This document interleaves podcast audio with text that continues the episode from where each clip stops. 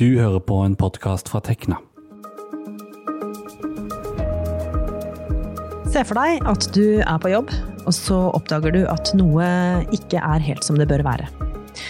Kanskje finner du fakturaer som du ikke forstår at kan stemme? Eller du opplever at en leder forsøker å dysse ned et utslipp av miljøfarlig avfall? HMS-regler overses? Eller du opplever at en kollega rett og slett blir mobba? Hva ville du gjort? Hadde du turt å si fra? Velkommen til Organisert, en podkast om jobb, juss og karriere. Jeg heter Vibeke Westerhagen, og denne gangen skal du få et krasjkurs i varsling.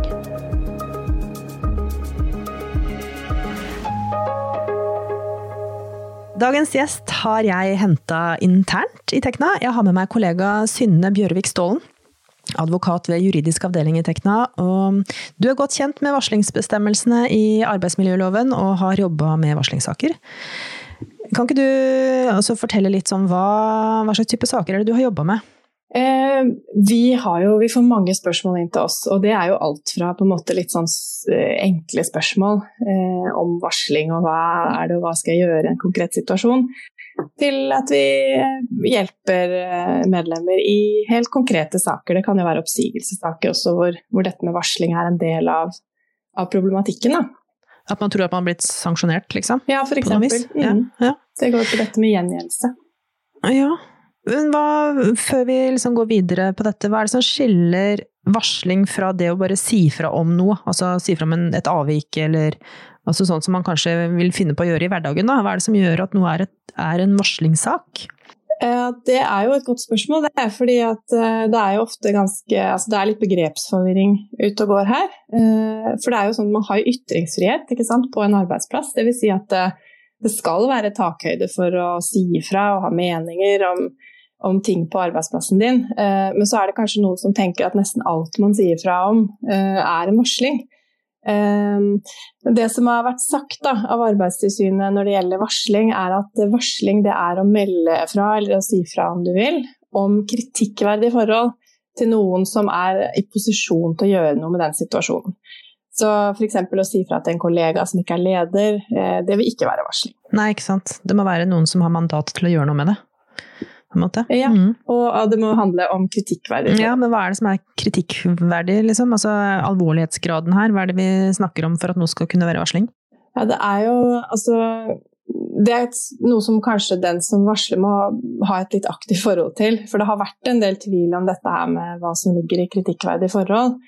Um, og det har vært litt vanskelig å forholde seg til både for arbeidsgiver og arbeidsgiver, eh, arbeidsgiver og arbeidstaker, tror jeg. Um, men ganske nylig så har loven fått inn en definisjon på dette uh, med kritikkverdige forhold, og, og liksom litt mer spesifikt hva er det?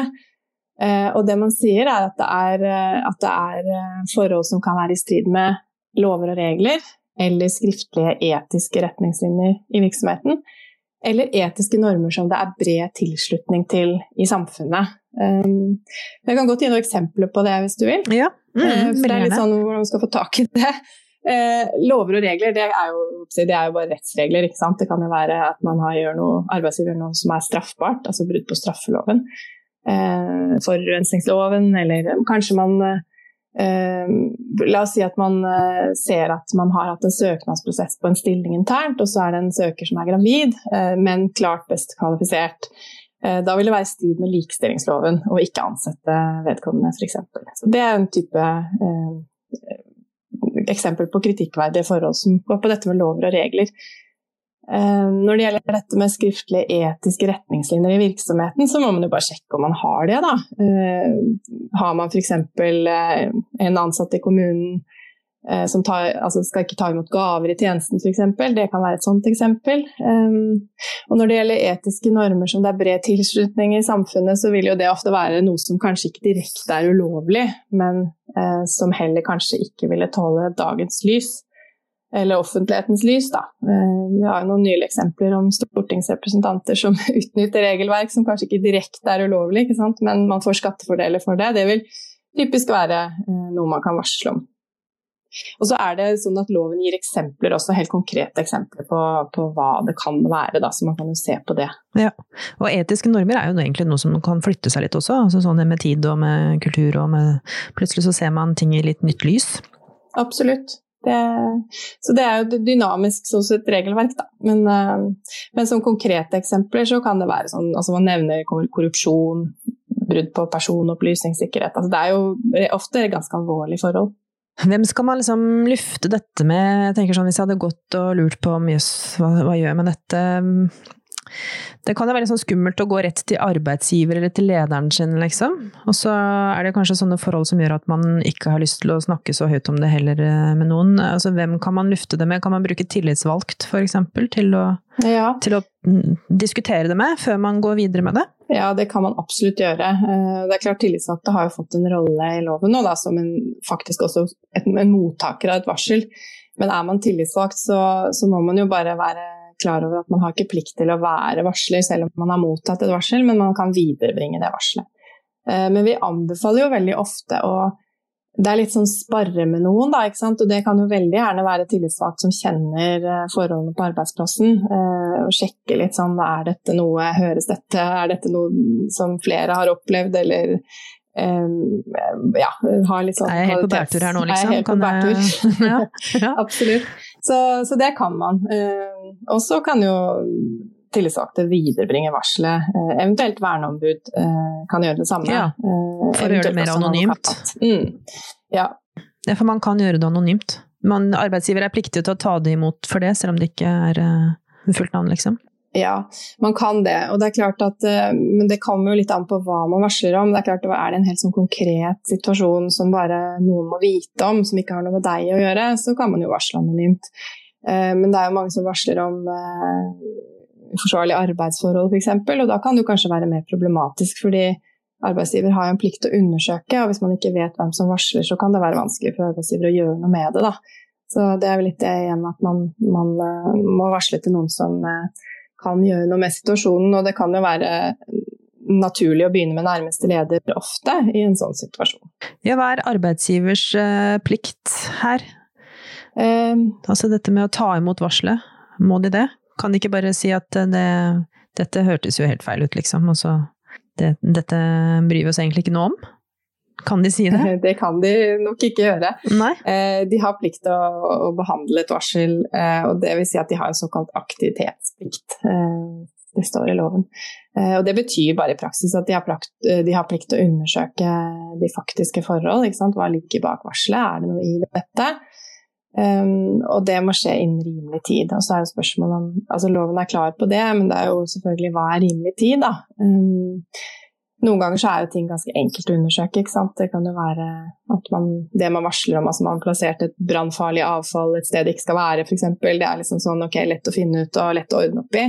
Um, så er det jo mer kompliserte saker hvis man har en påstand om økonomisk eh, mislighold eller trakassering. Det kan være ganske komplisert både å finne ut av og selvfølgelig også rydde opp i og gjøre noe med. Eh, og da må jo arbeidsgiver bruke mer tid, da. så det med rimelig tid er jo avhengig av hva, hva det varsles om. Men hvordan pleier arbeidsgiver å håndtere sånne varsler? da? Er dette, altså Undersøkelser, gjør de dette internt, eller er det noe de setter ut? Eh, er dette konsulentmat, eller hva? Hva pleier man å gjøre? Det varierer nok litt. Ja. Det varierer nok litt. Det kommer jo også an på varselet hvor uh, omfattende det er. Jeg tror nok det er en tendens til, i hvert fall det, det vet jeg, men i hvert fall i forhold til det vi ser da, på arbeidsgiversiden, at en del arbeidsgivere i mer kompliserte saker eh, engasjerer konsulentselskaper for å gjøre den jobben, såkalte faktaundersøkelser. da.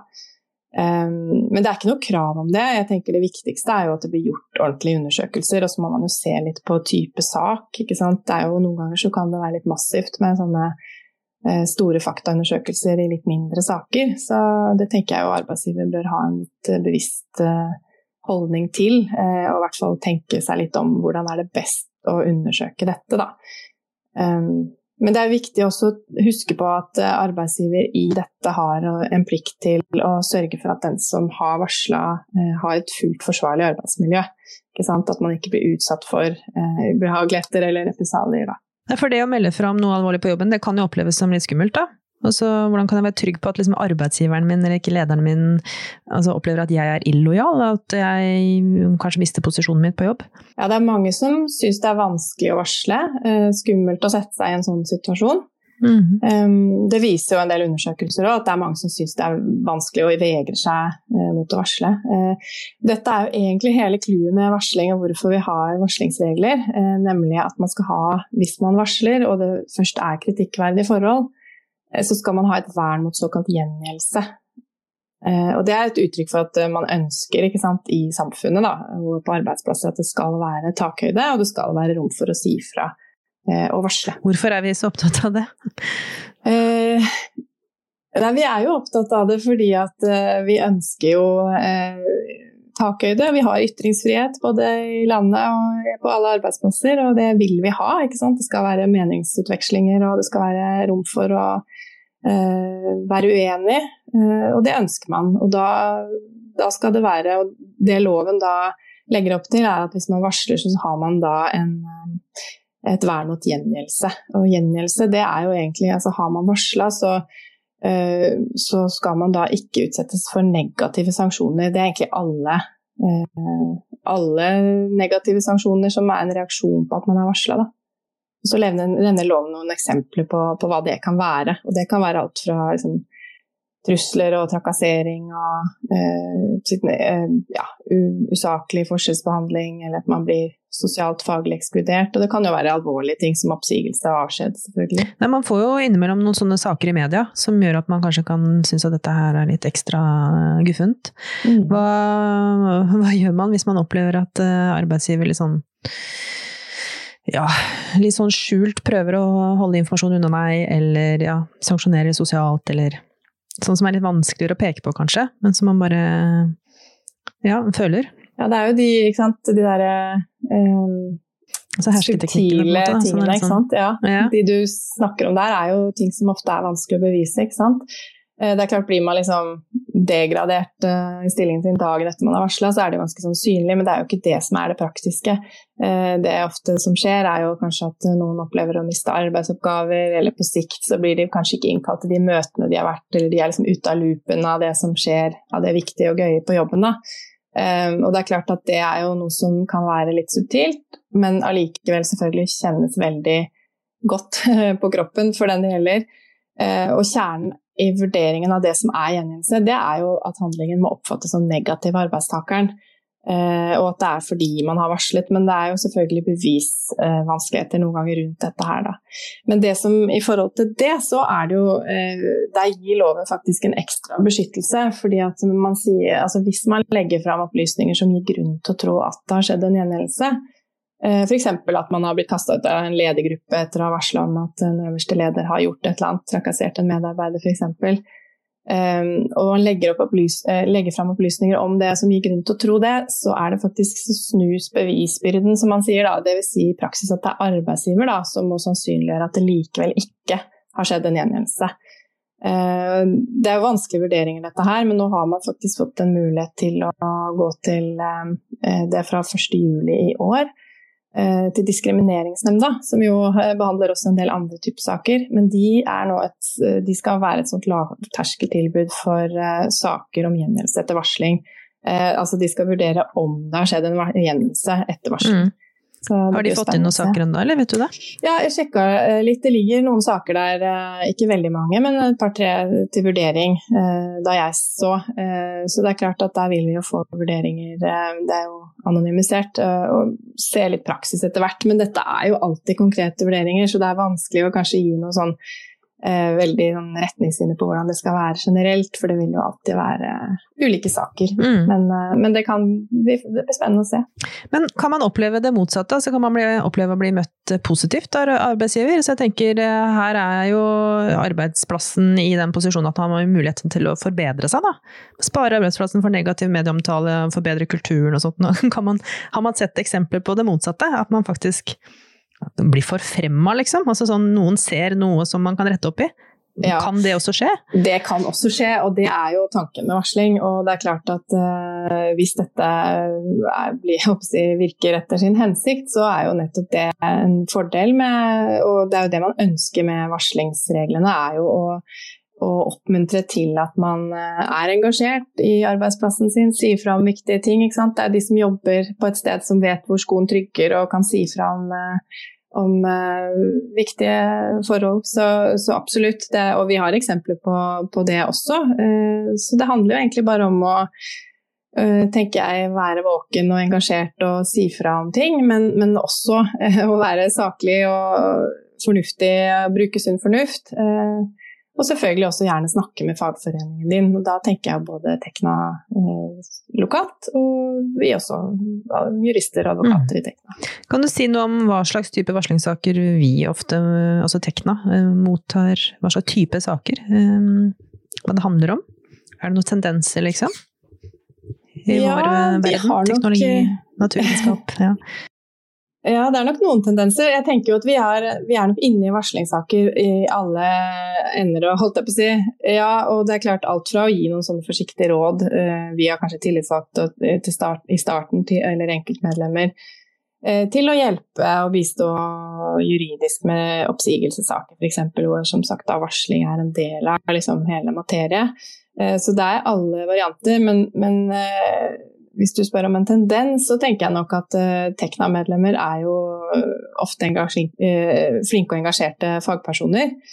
Uh, og de har ofte spørsmål om dette med faglig uenighet. Uh, og det, sant, som vi snakker om, det skal være takhøyde på arbeidsplassen for det.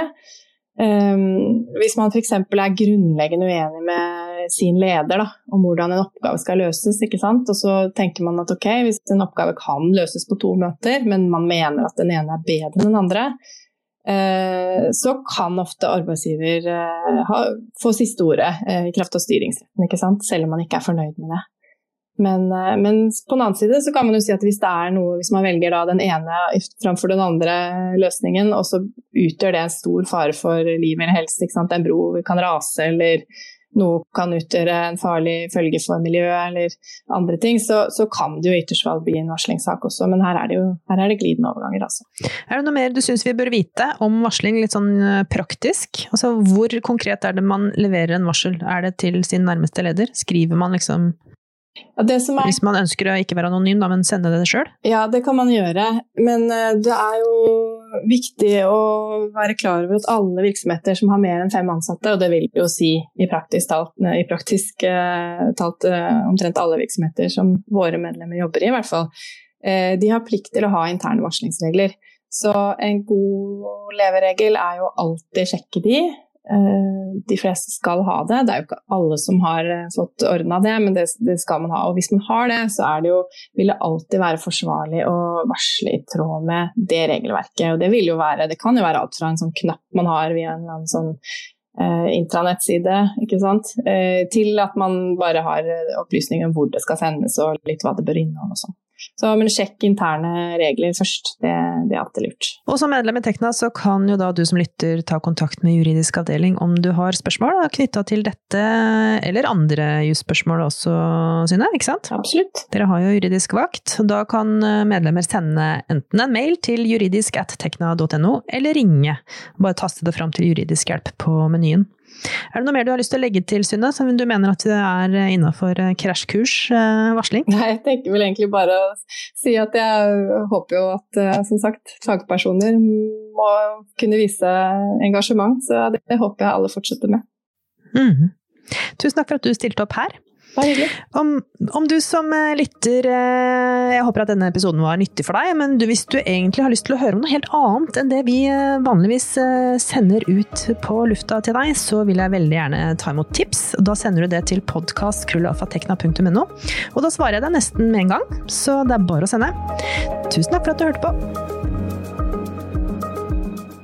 Dette har vært en podkast fra Tekna, en fagforening for deg med mastergrad i naturvitenskap realfag eller teknologi.